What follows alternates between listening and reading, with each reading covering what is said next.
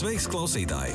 Skan Latvijas vēstneša informatīvās platformas raidieraksts Kā likums. Labdien! Mani sauc Ines Helmane, un šodien mūsu sarunas tēma - ēku nodošana eksploatācijā. Būvniecības likumā, kas stājās spēkā 2014. gada 1. oktobrī, ir noteikts maksimālais būvdarbu termiņš - 8 gadi. Visām būvēm, kuru celtniecība sākta pirms šā datuma, būvdarbu pabeigšanas termiņu skaita tieši no 2014. gada 1. oktobra. Tātad eksploatācijā jānodod līdz 2022. gada 30. septembrim. Tātad apmēram termiņš ir vēl mazliet vairāk kā gads. Par uh, māju nodošanu eksploatācijā saruna Rīgas pilsētas būvvaldes, būvniecības kontrolas pārvaldes tiesiskā atbalsta nodaļas vadītāju Daci Skalbi. Labdien, Dace! Uz kādiem objektiem attiecas šis termiņš nodošana eksploatācijā astoņu gadu laikā, ja būvniecība sākta pirms 2014. gada 1. oktobra? Um, šis termiņš attiecās uz uh, visiem būvobjektiem, kuru realizācijai būvatļauja izsniegta pirms uh, 2014. gada 1. oktobra, un kurās būvatļaujās netika norādīts šis maksimālais būvdarba veikšanas termiņš. Ar šobrīd spēkā esošajiem vispārīgajiem būvnoteikumiem, tad šis termiņš ir noteikts 2022. gada 1. oktobris. Līdz šim termiņam būvobjekti ir jānodod eksploatācijā. Bet vai noteikumi attiecas tātad uz individuālām dzīvojamām mājām, arī uz dārza mājām, vasaras mājām, kuras nav ziemā apdzīvojams? Kas ir tieši šie objekti, kas ir jānodod eksploatācijā? Principā nav atšķirības, kāda veida objekts ir. Vai tas ir tirzniecības centrs, vai tā ir ielas pārbūve, vai tā ir saurupa māja vai dārza māja. Galvenais, kas ir jāņem vērā, ir, ja būvobjektam ir izsniegta būvatļauja pirms 2014. gada 1. oktobra, būvatļaujā nav norādīts maksimālais būvdarbu veikšanas ilgums, tad objekts ir jānodod eksploatācijā līdz 2022. gada 1. oktobrim. Šeit, varbūt runājot par Rīgu, tādu mazu niansu pieminēšu, ka Rīgā kā pie atļautās izmantošanas dārza mājas nemaz nav. Rīgā mēs būvējam tikai saurumu mājas, dzīvojamās mājas, bet um, pašvaldībās, kur ir atļauts arī dārza mājas, šie noteikumi noteikti attiecās arī uz dārza mājām. Cik daudz vispār Rīgā varētu būt šāda eksploatācijā nenodotu tātad privātu māju? Vai šāds gadījums ir diezgan izplatīts, kad nav nodots eksploatācijā? Jā, šādu objektu ir daudz. Visi objekti Rīgā pat vēl nav apzināti, bet, piemēram, par vairāk nekā 500 objektiem pasūtītāji jau ir vērsušies būvvaldē pēc 2014. gada 1. oktobra, lai pagarinātu šīs būvatļaujas, kuras ir izsniegtas pirms 14. gada 1. oktobra. Un šajās būvatļaujās šobrīd jau ir ierakstīts maksimālais būvdarba veikšanas ilgums, proti, šis 2022. gada 1. oktobrs. Līdz ar to jau 500 objekti ir apzināti. Pasūtītāji paši ir jau vērsušies. Domāju, ka mēs varam runāt par līdzīgu skaitu objektiem, kuri būvvaldē vēl nav vērsušies, lai pagarinātu šo būvatļauju. Tāpēc šādu objektu noteikti ir daudz. Tātad, ja būvatļauja konkrēts termiņš, tad būvniecības likuma grozījumi uz šo objektu neatiec. Tas attiecas tikai uz, uz beztermiņa būvniecības atļaujām. Pareizi sapratu. Um, par beztermiņu būvatļaujām mēs varam runāt par ļoti senām būvatļaujām, kuras ir izsniegtas vēl pirms iepriekšējo vispārīgo būvnoteikumu spēkā stāšanās 1997. gadā un vēl senākām. Jo laikā, kad nebija spēkā stājušies 97. gada vispārīgie būvnoteikumi, nebija noteikta stingra kārtība būtļaus izsniegšanai. Tāpēc nereti spiedols būvprojektā bija arī uzskatāms par atļauju realizēt konkrēto būvprojektu. Un, ja pie šīs spiedoga nebija noteikts termiņš, tad šī bija uzskatāms par beztermiņu būvotļauju. Tad, kad 1997. gadā stājās spēkā vispārīgie būvnoteikumi, būvotļaujām tika noteikts derīguma termiņš, kas nav tas pats, kas maksimālais būvdarba veikšanas ilgums, bet termiņš, kas bija pielīdzināts būvdarba veicēja apdrošināšanas polises derīguma termiņam. Līdz ar to, beidzoties šim būvotļaus derīguma termiņam, pasūtītājs vērsās būvvaldē ar iesniegumu par būvotļaus derīguma termiņu pagarināšanu, klāt pievienojot būvdarba veicēja aktuālo apdrošināšanas polisi. Bet šādi pagarināt varēja mūžīgi. jo normatīvajos aktos tajā laikā nebija noteikts šis maksimālais būvdarbu veikšanas ilgums, proti, gala datums, līdz kuram objekts jānodod eksploatācijā. Maksimālo būvdarbu veikšanas ilgums nu jau spēku zaudējušajos vispārīgajos būvnoteikumos jau iekļāva 2013. gada vasarā. Tā kā ir jau būvatļaujas no 2013. gada, kurām jau bija note, noteikts šis maksimālais būvdarbu veikšanas ilgums. Bet savukārt, stājoties spēkā šī brīža vispārīgiem būvnoteikumiem, tad pārējais noteikumi paredzēja, ko darīt ar tām būvatļaujām, kurām šis maksimālais būvdarbu veikšanas ilgums nav noteikts. Tad šeit attiecās šis punkts, kad tas ir astoņi gadi no vispārīgo būvnoteikumu spēkā stāšanās dienas, kas sakrīt ar 2022. gada 1. oktobri. Un kādi dokumenti būtu jākārto, lai izpildītu noteikumu māju nodot eksploatācijā? Speciālie būvnoteikumi paredz konkrētu dokumentu apjomu, kas iesniedzam būvvaldē, lai objektu nodotu eksploatācijā. Ja mēs runājam par saurupmājām, tad uz to pieņemšanas eksploatācijā procesu piemērojam sēku būvnoteikumu 167. punkts, kas paredz, ka ierosinot ēkas vai tās daļas pieņemšanu eksploatācijā, pievieno šādus dokumentus Būvprojekta izmainītās daļas, ja attiecīgās izmaiņas būvdarbu veikšanas laikā pieļaujams veikt saskaņā ar vispārīgiem būvnoteikumiem, proti, izmaiņas, kuras var veikt autoru uzraudzības kārtībā, kuras pirms tam nav sniegtas kā izmaiņu projekts būvvaldē saskaņošanai, bet kuras ir veids autoru uzraugs. Um, tad ir klāt jāpievieno šajos ēku būvnoteikumu 165. un 166. punktā minēto institūciju atzinumus. Proti, tās ir institūcijas, um, šo institūciju atzinums par ēkas gatavību eksploatācijai, kuras projektēšanas laikā ir izsniegušas tehniskos vai īpašos noteikumus. Un atsevišķos gadījumos var būt arī Nacionālā kultūras mantojuma pārvaldes atzinums, atzinums um, valsts ugunsdzēsības glābšanas dienas atzinums un veselības inspekcijas atzinums. Ja, tad ir klāt jāpievieno arī tehnisko noteikumu izsniedzēju atzinums par inženieru tīklu gatavību eksploatācijai, uh, izpildu uzmērījumu plāns, tā skaitā vertikālo uzmērījumu Klāt ir jāpievieno būvdarbu žurnāls kopā ar būvdarbu izpildes dokumentāciju, bet tas ir tajos gadījumos, kad būvdarbs ir veicis būvkomersants, nevis persona pati saviem spēkiem. Tāpat ir arī ar būvzraugu pārskatu, ar būvzraudzības plāna izpildi gadījumos, kad objektā ir veikta būvzraudzība. Bet, ja mēs runājam par saurupmājām, tad saurupmāju gadījumos nebūs būvzraudzība. Um, tāpat ir uh, jāpievieno arī būvprātā paredzēto tehnoloģisko iekārtu, speciālo sistēmu un iekārtu pārbaudas protokolu un pieņemšanas akti, kā arī atbilstības apliecinājums, uh, ja to nepieciešamība nosaka normatīvie akti par iekārtu drošību, un tie nav pievienot būvdarbu žurnālam. Šeit mēs varētu, piemēram, runāt par liftu, kas arī saurupmājas gadījumā noteikti nebūs. Klāt ir noteikti jāpievieno arī ēkas vai telpu grupas kadastrālās uzmērīšanas lieta, tātad jaunā kadastrālās uzmērīšanas lieta, ko ir izsniedzis valsts dienests, un ēkas energoefektivitātes pagaidu certifikāts, kas izdots saskaņā ar normatīviem aktiem ēku energoefektivitātes jomā, atjaunošanas vai pārbūves gadījumā, ja ir veikti energoefektivitātes pasākumi. Tāpēc, ņemot vērā minēto, var būt situācija, kad nodošanai eksploatācijā iesniedzamo dokumentu skaits ir apjomīgs, jo būvvalde ir pēdējā institūcija, kur pārbauda objektu atbilstību izbūvētajam, atbilstību projektam kā arī citu iesaistīto institūciju izsniegtos atzinumus par būvniecības gatavību eksploatācijā, lai tad varētu šo būvniecības procesu noslēgt un būvvalde varētu pieņemt objektu eksploatācijā. Jūs tikko uzskaitījāt tiešām ļoti apjomīgu dokumentu klāstu. Vai, piemēram, pats cilvēks, kas uh, dzīvo šajā ne, eksploatācijā ne, nenodotā mājā, varētu pats nokārtot tos dokumentus, ja labāk viņam paļauties uz kādu speciālistu vai, un, un samaksāt viņam par to, lai tas speciālists visus tos dokumentus kārto? Kā, kā jums šķiet, kā cilvēks pats var tikt galā ar to visu?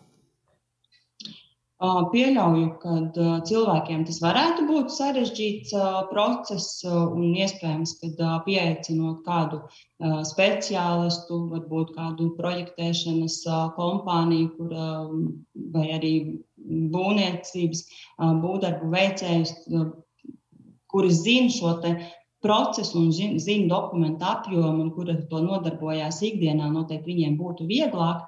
Bet um, pēc pieredzes arī paši iedzīvotāji šajos procesos iedziļinās un, un prot sakārtot arī dokumentāciju un iesniegt pareizo.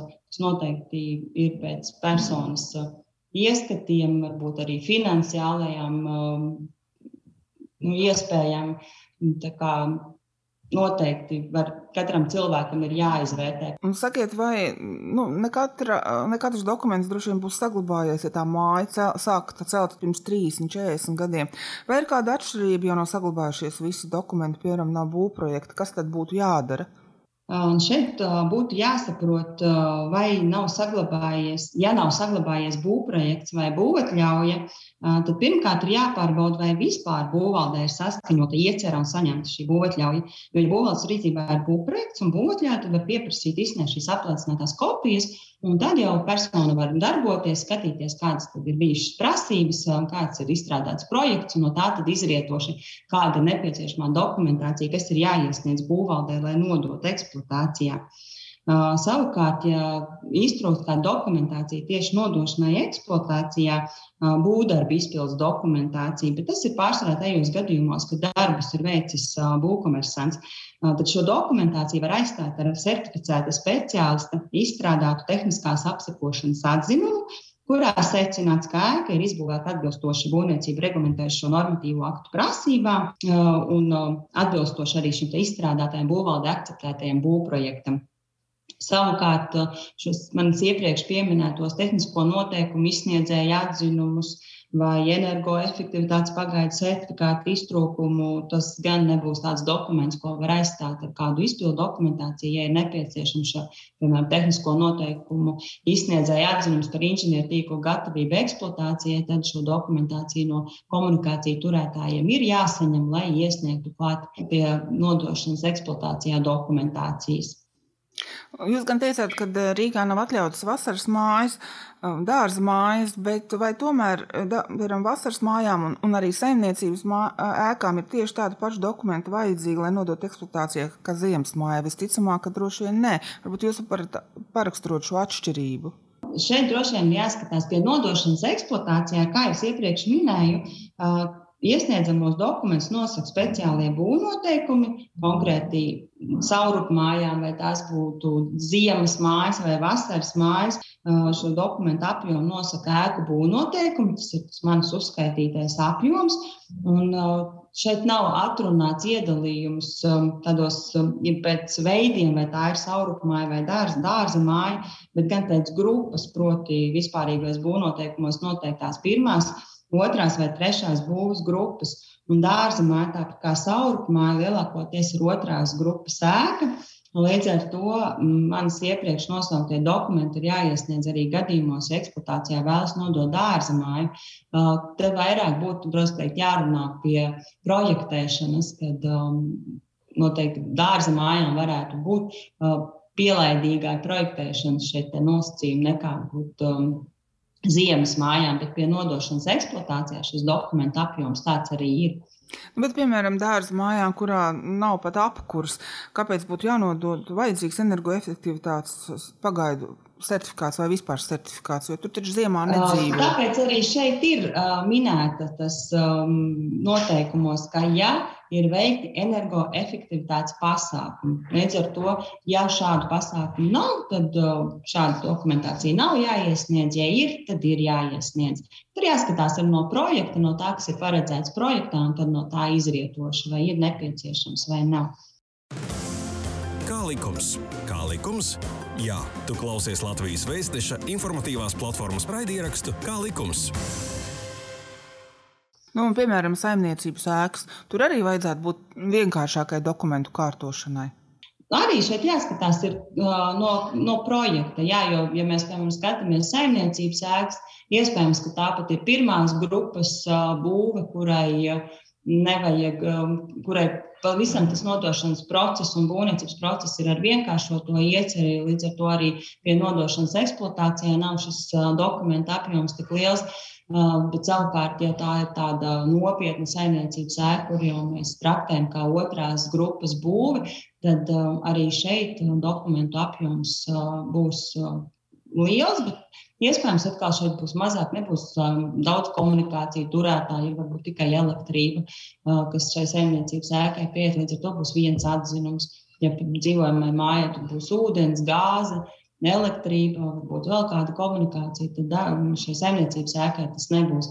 Tad līdz ar to jāskatās, pirms ir tas projekts, kas tur ir paredzēts, un no tā izrietoši objekta nodošanā eksploatācijai dokumenta apjoms. Nu, nereti lasītāji uzdod portālam jautājumus, kad ir ēka celta jau padomu laikā, nav pabeigta. Tātad ir samērā veca komunikācijas nolieto, nolietojušās. Ko darīt ar šādiem objektiem? Citreiz pat uh, lasītāji izsaka varbūtību, ka varbūt ir vieglāk un lētāk nojaukt nekā nodot eksploatācijā. Ko jūs ieteiktu šādā gadījumā?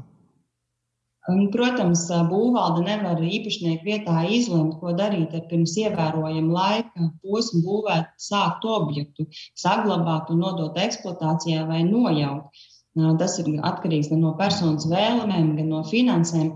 Taču, ja ēka ir sen uzbūvēta, lai pārliecinātos par, te, par tās tehnisko stāvokli, ir nepieciešams veikt ēkas tehniskā stāvokļa novērtēšanu, ko veic certificēts speciālists, būvinženieris un par apsakošanas laikā konstatēto sagatavo tehniskās apsakošanas atzinumu, kurā viņš sniedz ēkas tehniskā stāvokļa novērtējumu un rekomendācijas. Un tad šajā tehniskās apsakošanas atzinumā varētu arī būt minēts, tad, ja ēku vēlas saglabāt, kādas ir nepieciešamās darbības, vai ir kaut kas nepieciešams pastiprināt, varbūt uzlabot, Savukārt, varbūt tehniskās apsakošanas atzinums konstatēs, ka ēka ir nonākusi tik sliktā stāvoklī, ka tiešām nav liederīgi viņu saglabāt un atjaunot, bet viņa ir nojaucama. Bū, svarīga lieta ir būvniecības izmaksas, ar kādām ir jārēķinās. Man nav noslēpums, ka būvniecības pakalpojums samērā dārgi. Nu, kā jūs rēķinātu, cik kā cilvēkam rēķināties ar kādām izmaksām, lai nodotu ēku eksploatācijā? Es noteikti varu komentēt to, kas attiecās uz būvvaldi.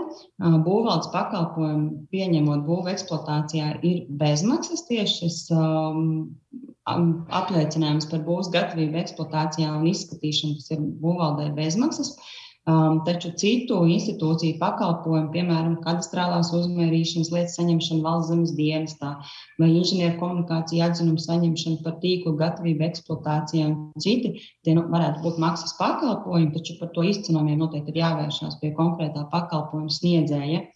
Kas attiecās ar nodošanu eksploatācijā un būvvaldi, uh, mums ir, mums ir saistīts pakalpojums kā ģeodēziskā izpildu mērījuma izvērtēšana Proti, pirms nodošanas eksploatācijā certificēts mērnieks uzmēra ēkas un inženierbūves un iesniedz būvvaldē ģeodēziskā izpildu uzmērījumu plānu, kuru tad būvvalde pārbauda, pārliecinoties, vai plāns atbilst saskaņotajai būvniecības dokumentācijai, situācijai apvidū, ministru kabineta noteikumiem, augstas detalizācijas, topogrāfiskās informācijas un tās centrālās datubāzes noteikumu un Rīgas domas saistošajiem noteikumiem, augstas detalizācijas, topogrāfiskās informācijas aprites saistošie noteikumi.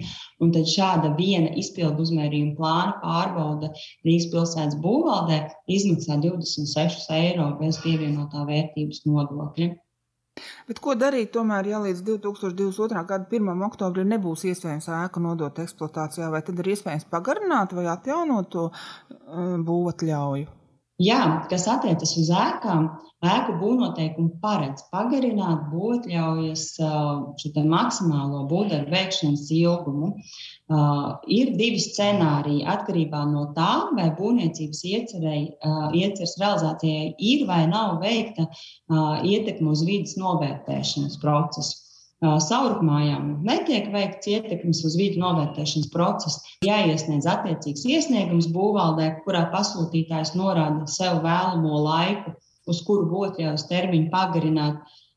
Iesniegumam klāt pievienojot aktuālo ēkas kadastrālās uzmērīšanas lietu un ēkas novietnes un tai izbūvēto ārējo inženiertīklu izpildu mērījumu plānu, kā arī uz pieprasīto pagarinājumu termiņu izsniegtu būvdarbu veicēja civiltieskās atbildības apdrošināšanas polises kopiju. Tā kā jā, arī tad, ja pēc 22. gada 1. oktobra vēl nebūs paspēts nodot objektu eksploatācijā, būs iespējams pagarināt šo maksimālo būvdarbu veikšanas ilgumu.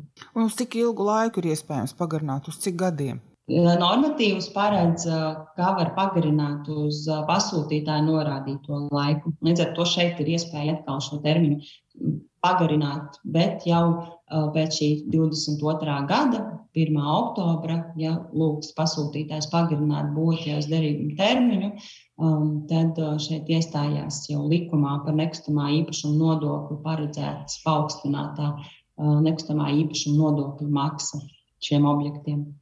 Tātad, ja ēka nav nodota eksploatācijā, nebūs nodota eksploatācijā līdz 2022. gada 1. oktobrim, tad būs lielāka nekust, lielāks nekustamā īpašuma nodoklis. Tas ir 3% no uh, lielākās vērtības, lai būvēja piekritīja piekritīgās zemes kadastrālās vērtības vai būvniecības kadastrālās vērtības. Ja? Tā tas būs. Tieši tā, likums par nekustamā īpašuma nodokli paredz, ka, ja ir pārsniegts maksimālais būvdarba veikšanas ilgums, tad tiek um, piemērots 3% nekustamā īpašuma nodoklis, kas tiek maksāts līdz brīdim, kad objekts tiek nodot, nodots eksploatācijā. Un kā jau jūs minējāt, tad uh, nodokli aprēķina no lielākās kadastrālās vērtības vai no būvēja piekritīgās zemes. Uh, vai būvas kadastrālās vērtības. Turklāt interesanti ir tas, ka šī lielākā vērtība stājas spēkā jau nākamajā mēnesī. Tas ir sanāk, ka jau oktobrī stājas spēkā 3% nekustamā īpašuma nodoklis, ja ēka nav nodota eksploatācijā. Tā, jā, tajā brīdī, kad uh, būvvalde pēc šī 22. gada 1. oktobra apzinās um, objektus, kuri nav nodoti eksploatācijā, Mēs sistēmā veicam ierakstu, kuru Rīgas administratīvā teritorijā redz pašvaldību ieņēmuma pārvalde. Un, attiecīgi, tad, kad pārvalde tad veic šo nodokļu pārreķinu, jau piemērojot paaugstinātā nekustamā īpašuma nodokli. Mēs te mazliet runājam, es citreiz minu 30. septembris vai 1. oktobris. Kāds tad ir tas precīzais datums? Tad 1. oktobrī ar vēl var nodot māju eksploatācijā. 1. oktobris ir tas datums, kuru mēs um, traktējam kā gala termiņu, kurā ir jānodod objekts eksploatācijai. Un šobrīd notiek jaunās pašvaldību teritoriju iezīmēšana. Kā jaunais pašvaldību teritorijas plānojums ietekmēs privātu māju nodošanu eksploatācijā? Varbūt citur vispār mainīsies tas zonējums, vispār privātu mājas apbūve kā tāda nebūs atļauta, vai kaut kādas sarkanās līnijas ir nu, dažādi mēdz būt. Vai vai ietekmēs kaut kādā veidā. Rīgu droši vien, laikam, nē, bet nu, citus, citus, citus pašvaldības. Nu, gadījumā, ja šī ēka ir tiesiski uzbūvēta, būvniecība ir uzsākta pamatojoties uz būvvalde akceptēta projekta un saņemtas, būv, saņemtas būvatļaujas. Un objekts ir izbūvēts atbilstoši šai būvniecības dokumentācijai, kas ir būvvaldē saskaņota, tad arī pēc jaunā plānojuma spēkā stāšanās šo objektu, tādu kāds viņš ir uzbūvēts, varēs nodot eksploatācijā. Nelielas varbūt, problēmas var rasties tad, ja ir um, kādas atkāpes.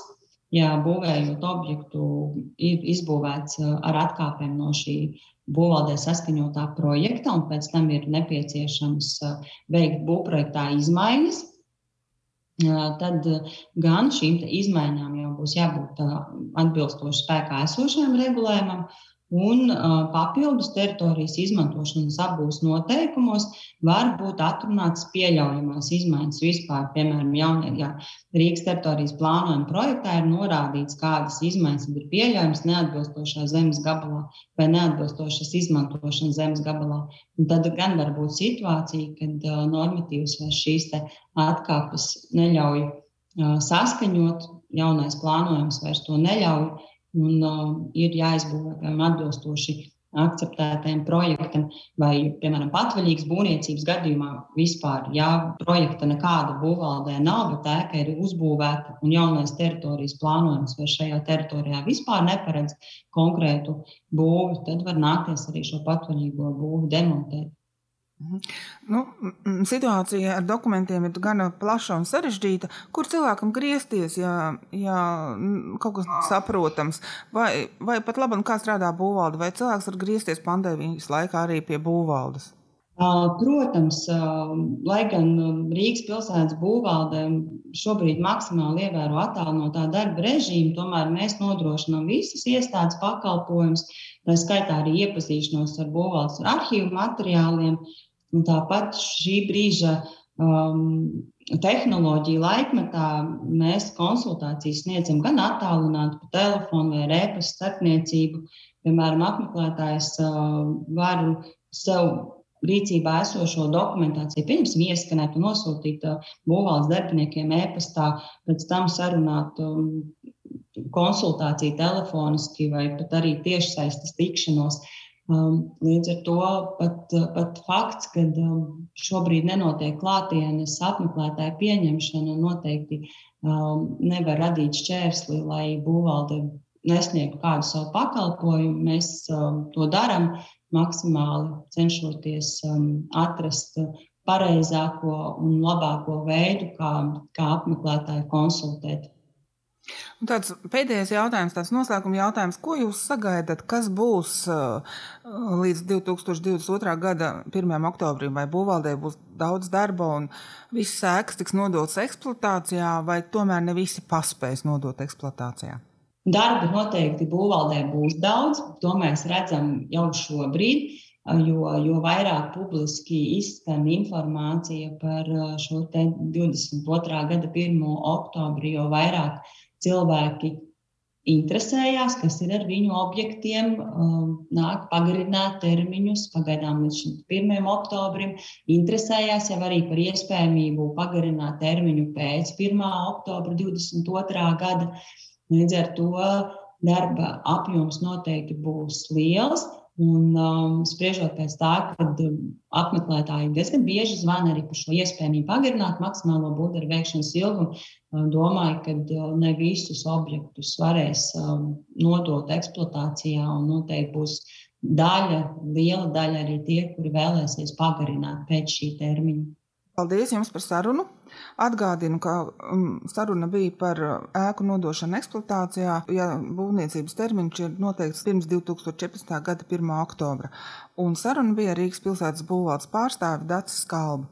Jūs klausījāties raidierakstu kā likums. Šī bija iknedēļas pusstunda kopā ar oficiālā izdevēja Latvijas vēstneses informatīvās platformas raidierakstu Kā likums. Pastāsti citiem, ja bija noderīgi un interesanti. Kā likums, tiekamies ik trešdienu!